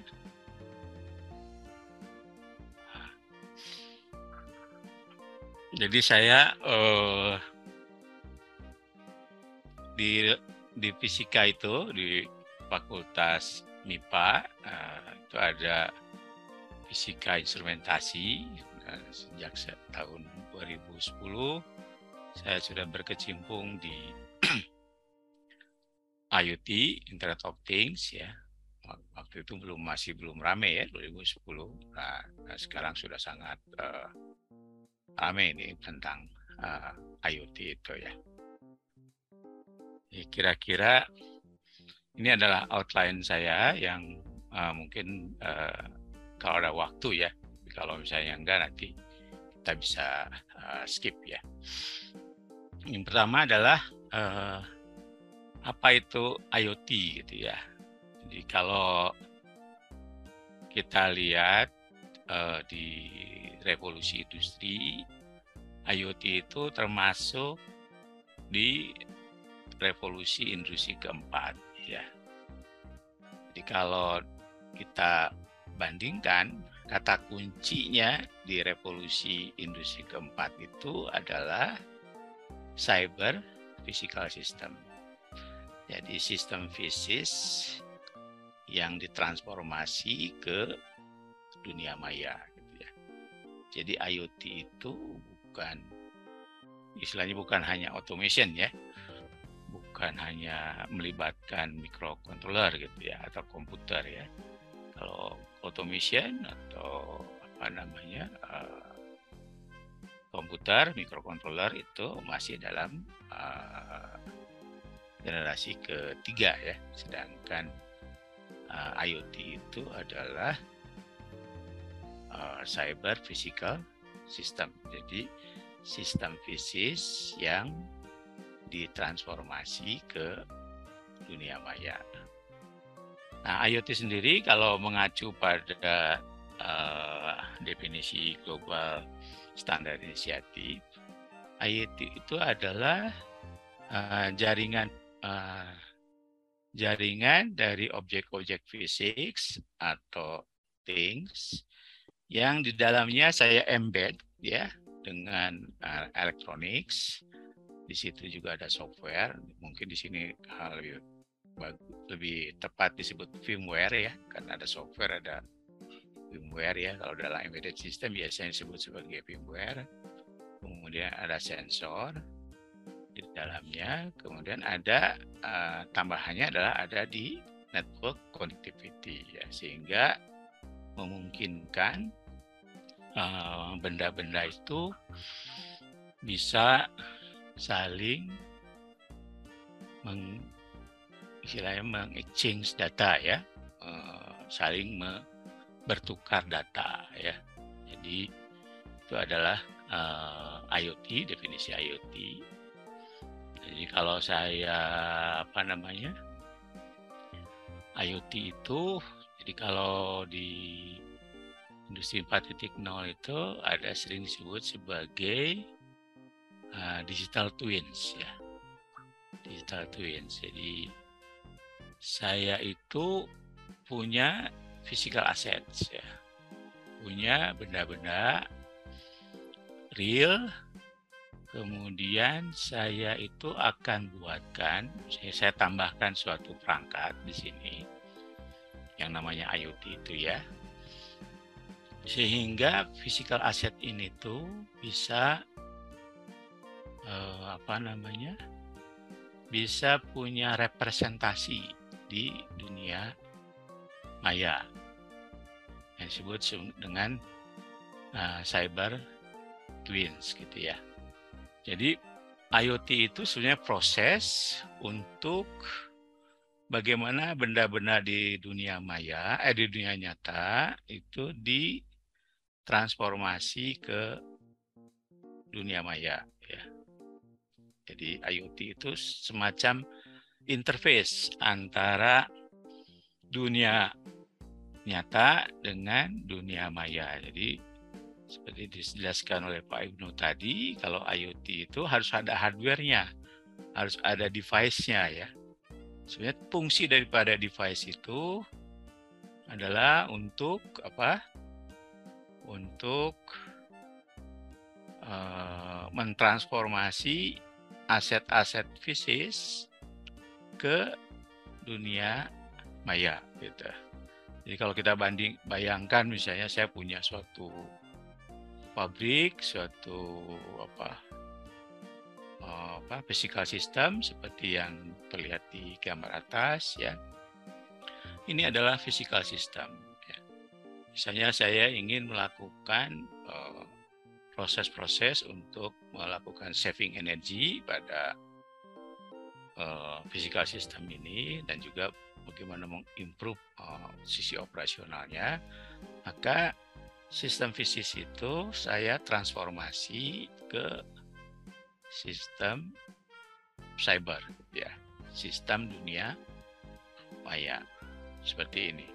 Nah, kalau sistemnya atau perangkat-perangkat ini sudah ada representasinya di dunia maya, maka saya bisa libatkan proses-proses yang ada di dalam apa dunia maya itu yang sebenarnya mewakili dunia nyata ya di sini kita bisa lebih leluasa ya dalam uh, me, apa namanya mengendalikan atau melakukan komputasi atau melakukan data analitik ya di eh, dunia maya ini. Gitu.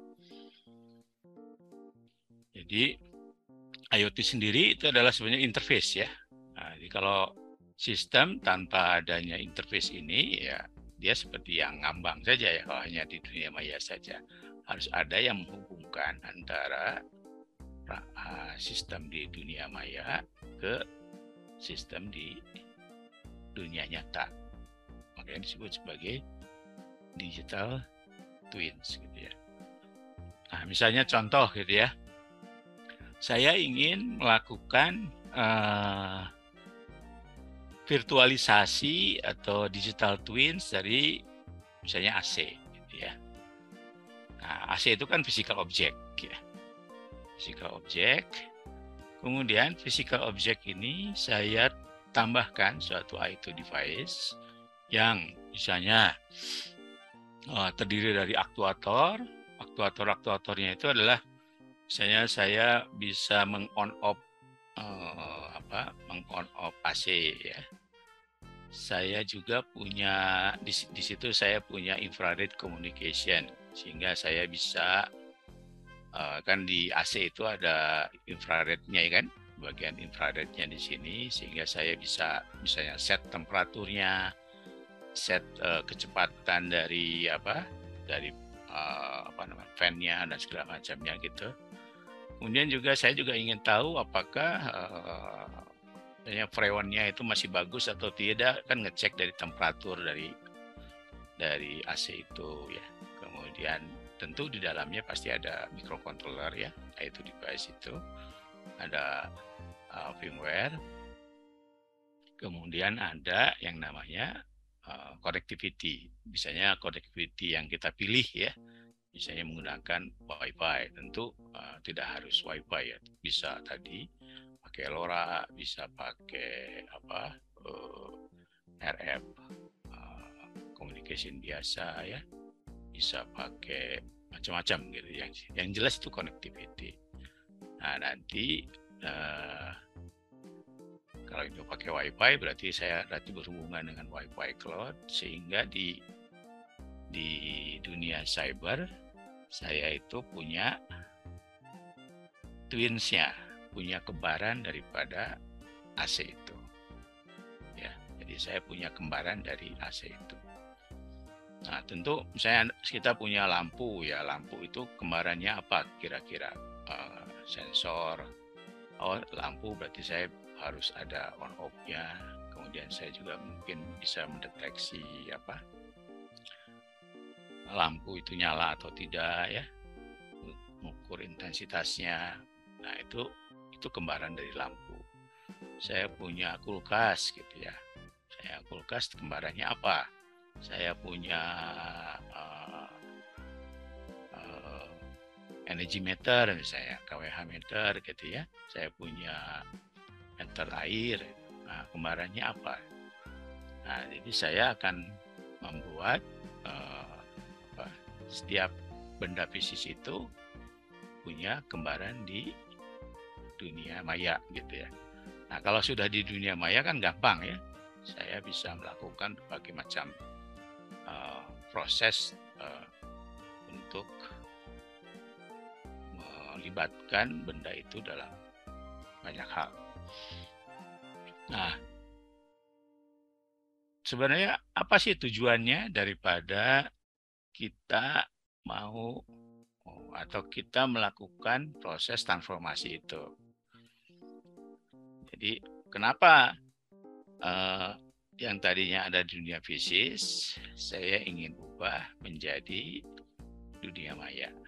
Karena saya itu ingin membangun suatu sistem yang smart, gitu ya. sistem yang cerdas, sistem yang uh, pintar, gitu ya. Manusia itu disebut sebagai manusia yang manusia itu disebut sebagai makhluk yang pintar. Nah, kenapa manusia disebut sebagai manusia yang pintar? Pertama adalah karena manusia itu punya kemampuan untuk berkomunikasi. Jadi benda itu kalau ingin dijadikan pintar apa? Benda kalau ingin dijadikan pintar, harus punya kemampuan berkomunikasi. Jadi connectivity itu emas ya, suatu keharusan. Dia harus punya uh, kemampuan untuk berkomunikasi sehingga dia bisa exchange data ya. Pertama itu ya. Yang pertama. Yang kedua, manusia itu disebut sistem yang apa? makhluk yang cerdas. Itu karena apa? Karena dia tuh punya otak kan, punya kemampuan untuk menganalisis ya. Kemampuan untuk me, apa? mengurai lah, mengurai apa sih penyebab dari sesuatu itu. Dia punya kemampuan untuk bernalar. Ya. Dengan kemampuan bernalar itu, maka uh, proses proses tindakan yang dilakukan oleh manusia itu bisa sangat intelijen, gitu ya. bisa sangat uh, apa pintar gitu di sini hasilnya. Dan yang yang paling penting di dalam uh, apa uh, industri 4.0 adalah uh, manusia itu disebut pintar karena dia itu berbasis pengetahuan. Ya, dalam kasus sistem cerdas ini manusia itu apa? Kita itu akan dilengkapi dengan satu yang namanya big data ya. Knowledge itu ada di uh, big data, ada di data besar. Hanya saja sering kali uh, big data itu di di apa namanya? diinterpretasi sebagai sesuatu yang keliru gitu ya. Jadi big, big data itu kan ada data address, ada data motion, ada data kemudian yang jelas datanya itu data yang besar gitu ya. Datanya harus besar. Sebenarnya bukan itu pengertian dari uh, big data itu. Big data itu sebenarnya adalah sebagai misalnya antitesa sebagai lawan daripada data konvensional. Data konvensional. Jadi uh, kalau saya punya data konvensional, kalau antitesanya adalah big data. Lawan daripada data konvensional itu adalah dinamakan sebagai istilah diistilahkan sebagai big data. Jadi kalau IBM itu mendefinisikan big data itu adalah setiap data yang tidak bisa di capture, tidak bisa di manage atau tidak bisa diproses menggunakan tradisional data management, ya. Begitu. Nah, sebagai contoh beginilah, sebagai contoh misalnya saya itu punya ruangan ya, saya itu punya ruangan. Nah, ruangan itu di situ ada AC misalnya. Nah, kalau AC-nya itu saya on kan, uh, kalau saya on kan, maka misalnya berdasarkan di on kan, maka temperaturnya itu akan turun secara eksponensial, ya, akan turun secara eksponensial. Nah, kalau data konvensional, misalnya pertanyaannya adalah berapakah eh, rata-rata dari temperatur? Ya. Nah, kalau rata-rata berarti saya tinggal jumlahkan, kemudian dibagi oleh frekuensinya misalnya. Itu adalah rata-rata dari temperatur. Berapakah T minimum? Oh, di, di waktu ini T minimumnya sekian. Berapakah T maksimum? Di, di sini gitu ya. Nah, itu adalah eh, data-data uh, konvensional. Jadi yang istilahnya yang apa namanya? Yang eksplisit ya, data yang eksplisit yang terjadi yang terlihat langsung gitu ya dari data sini, data room temperatur ini. Nah, tapi kita juga mengamati ya bahwa misalnya kalau orangnya banyak dengan orangnya sedikit itu akan berbeda gitu ya. Jadi kalau saya punya ruangan ini saya isi dengan uh, banyak orang, tentu ini akan lebih melandai ya. Tapi kalau sedikit orang ya, maka dia akan lebih cepat ininya. Jadi kalau secara fisik gitu ya, secara fisika kan eh, saya bisa modelkan ruangan itu seperti ini ya. Kemudian ada key in, ada key out. Key in berarti berasal dari apa namanya? Eh, misalnya dari AC ya. Key out itu berarti sesuatu yang eh, bisa keluar dari lingkungan ini ya. Kemudian kalau misalnya di sini ada dinding, dinding itu kan kalau di ruangan ada yang kaca, ada yang beton, ada yang ini, tentu di situ ada uh, resistansi termal ya, resistansi termal. Jadi tentu di sini juga kalau misalnya banyak orang, maka apa yang berpengaruh pada orang di sini itu? Tentu pada kapasitas panasnya ya, kapasitas panas daripada ruangan ini.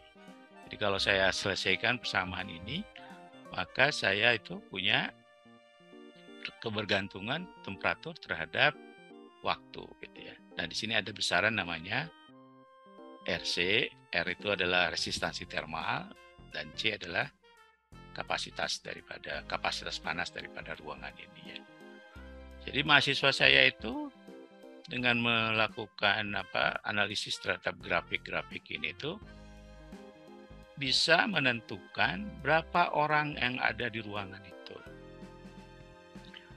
jumlah orang itu adalah data implisit yang ada di sini. Dia bisa diekstrak datanya kalau saya punya modelnya kan gitu ya. Saya punya modelnya, saya ekstrak, kemudian nanti dari sini itu bisa dilihat ya. Ini kalau di, di sini okupansi jumlah orang yang ada di dalam ruangan itu terhadap nilai RC yang ini ya, itu akan seperti ini akan seperti ini. Jadi saya bisa meng, apa, mengukur apa? Mengukur jumlah orang, tapi lewat analisis grafik ini, ya, grafik ini. Nah ini namanya big data. Saya itu mengekstrak data gitu ya dari sini, gitu. Jadi kalau misalnya di dalam pendekatan energi konservasi ya, dulu ada yang namanya energi plus ya. Jadi itu adalah simulasi, program simulasi yang saya kalau saya mau melakukan konservasi pada bangunan itu, saya itu harus mengukur misalnya berapa jumlah jendela di situ, berapa luas dari jendela itu. Berapa apa uh, uh, orang di situ, berapa mesin yang ada di situ ya, berapa ini kemudian dilakukan uh, komputasi sehingga saya bisa mengeluarkan uh, perhitungan itu dari sini itu jadi ini adalah untuk uh, energi plus ya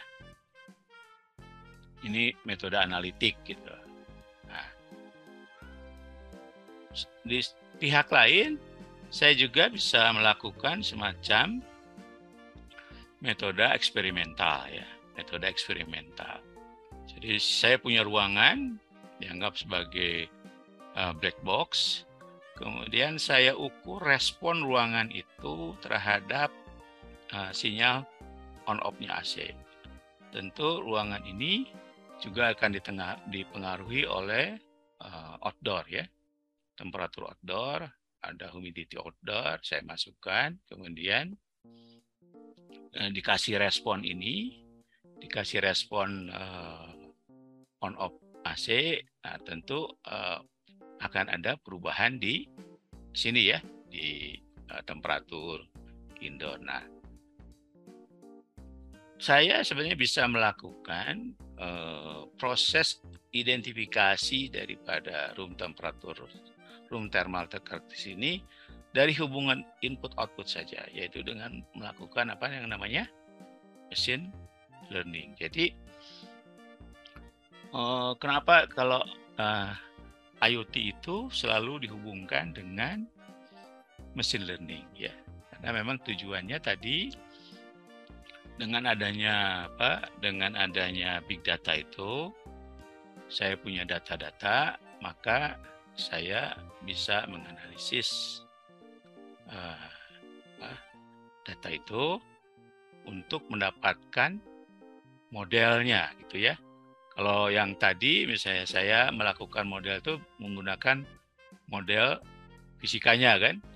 Nah, Anda sebagai orang yang bukan fisika mungkin agak kerepotan kalau harus belajar fisika gitu ya untuk uh, melakukan modeling fisis pada suatu uh, kejadian, gitu, suatu proses. Jadi kalau kalau pada proses biasa traditional modeling, saya itu harus punya uh, handcraft model. Jadi harus punya model yang dibangun secara hukum-hukum fisika, hukum-hukum alam ya. Kemudian kalau ada data, maka saya bisa melakukan prediksi ya. Jadi kalau datanya seperti ini, maka uh, dengan adanya komputer komputer gitu ya maka saya akan mendapatkan hasil gitu. Tetapi kalau menggunakan uh, proses mendapatkan model ini tuh sulit ya. Sulit seperti saya perlihatkan tadi di simulasi apa bangunan itu ya. Bangunannya bisa macam-macam uh, apa ruangannya bisa macam-macam orangnya bisa macam-macam di situ banyaknya orang banyaknya mesin tentu pekerjaan yang sangat sulit kalau kita menggunakan metode analitik ya untuk bisa mengkarakterisasi daripada model ruangan itu menggunakan handcrafted model ini. Nah, tetapi kalau kita menggunakan uh, teknologi IoT, menggunakan machine learning ya, jadi pertama yang dilakukan adalah kita harus melakukan proses learning dulu ya untuk mendapatkan uh, model. Nah, setelah ada uh, model, maka model itu saya pakai untuk melakukan uh, prediksi gitu ya.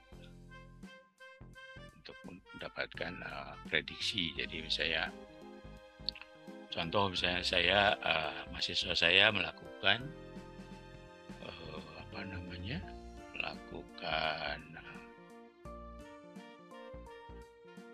apa namanya di itu di hidroponik ya hidroponik. Nah, di hidroponik. Dia ingin memprediksi atau ingin melakukan controlling supaya proses produksinya itu tetap optimal ya proses produksinya tetap optimal. Maka uh, dia harus bangun dulu modelnya.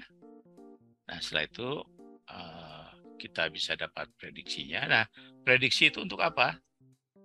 Nah kalau kita bisa memprediksi, maka kita itu bisa melakukan pengendalian kan.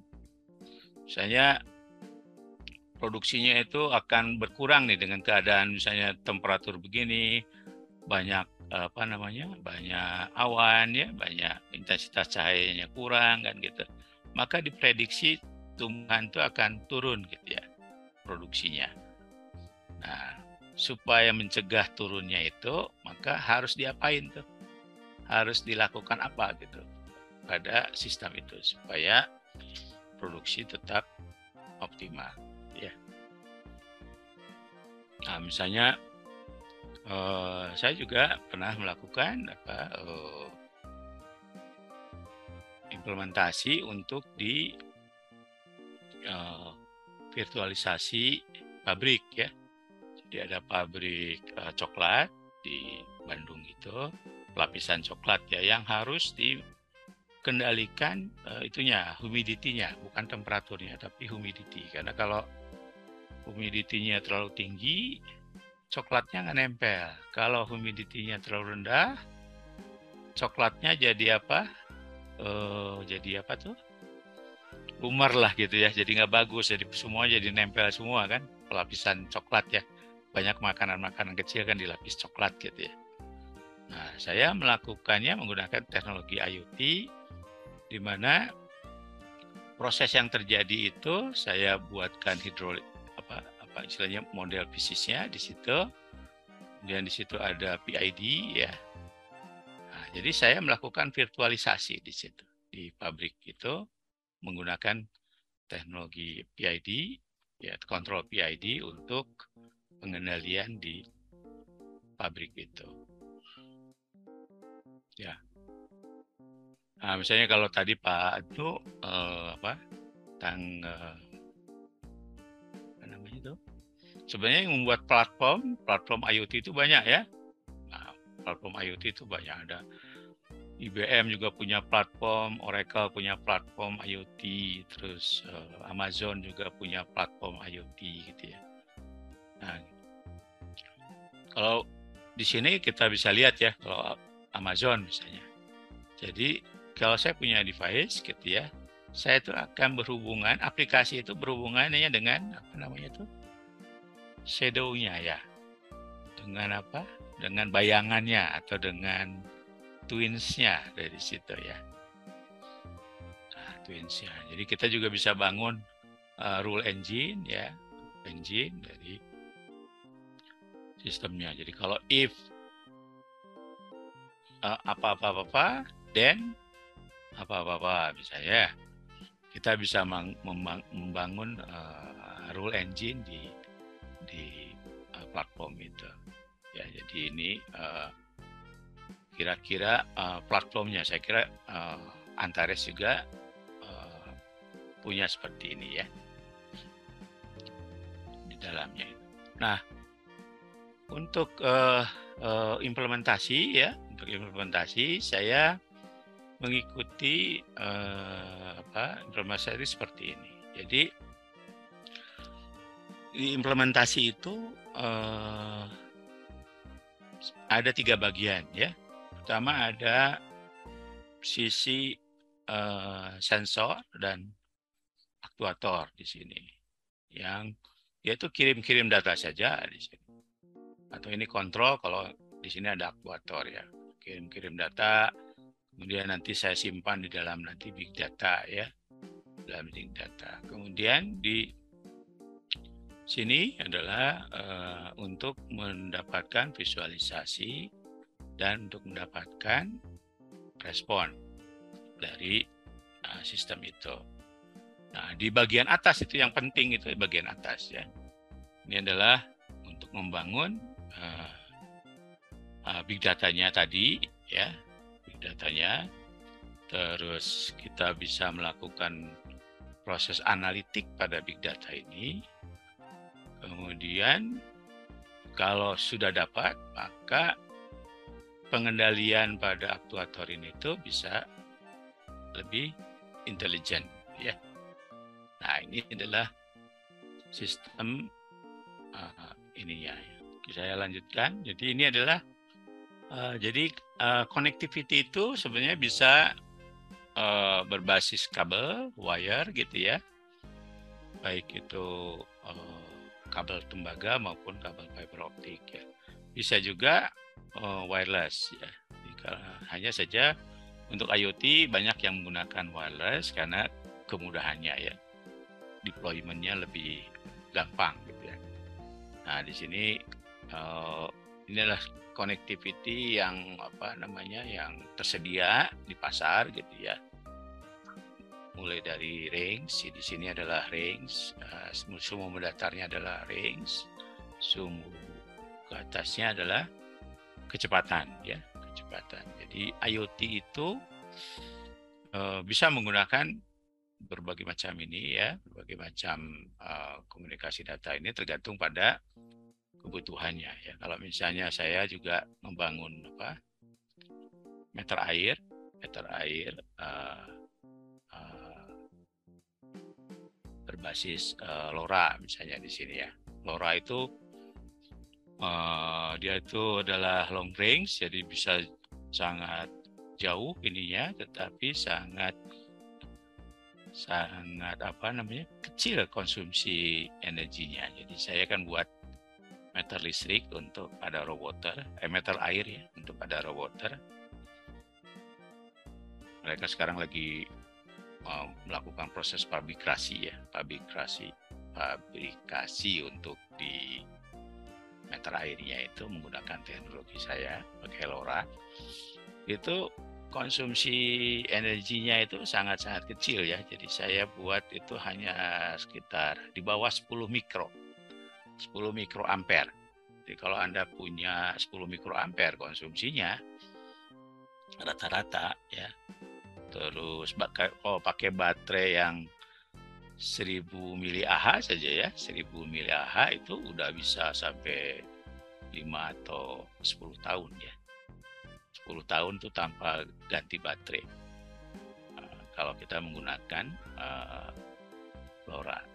Ya, saya saya 10 mikro, 10 mikroampere kalau saya pakai mikroampere. Saya juga pakai satelit ya. Untuk aplikasi saya di ada logistik untuk kapal-kapal. Nah, saya juga pakai satelit. Ada 4G, ada WiFi, ya banyak gitu yang bisa Anda pakai untuk berbagai connectivity-nya. Ya, di sini saja Anda harus aware ya. Uh, tentu ada harga ya kalau LoRa kan LoRa di kalau di Indonesia mungkin sekitar 100 ribuan ya jualnya. Kalau di kita beli ke Cina sekitar 3 dolar kita bisa dapat modul uh, LoRa-nya itu. Nah, uh, terus kalau pakai LoRa misalnya pakai RF ya, RF link itu bisa LoRa, bisa RF biasa ya, nggak harus LoRa gitu ya. Nah, tentu di sini kita perlu bangun satu uh, gateway, gateway. Karena uh, pada intinya connectivity itu tidak harus internet ya, tidak harus internet gitu connectivity itu, tidak harus berbasis TCP/IP gitu ya. Biasanya TCP/IP itu di di di bagian atasnya saja ya, di bagian apa? Di bagian atas. Kalau ke arah node ya ke arah node itu jarang menggunakan uh, WiFi karena apa? Jarang yang menggunakan IP karena kalau IP itu IP itu mahal ya. Satu nomor IP itu kan uh, Telkom itu harus menyediakan IP yang besar gitu. Di satu nomor IP itu kan uh, kita misalnya kita punya handphone kita akan dapat IP kan IP itu IP itu adalah IP-nya Telkom itu di provide oleh Telkom itu. Telkomsel gitu. satu IP bisa mahal kan gitu ya. Makanya kalau saya pakai IP kan eh, sekarang IP-nya sekian gitu ya. Besok IP-nya berbeda lagi kan karena reuse ya IP itu di Telkom sekarang ini. Dulu saya masih bisa dapat IP statik di Telkom itu. Sekarang udah susah dapat IP statik di Telkom.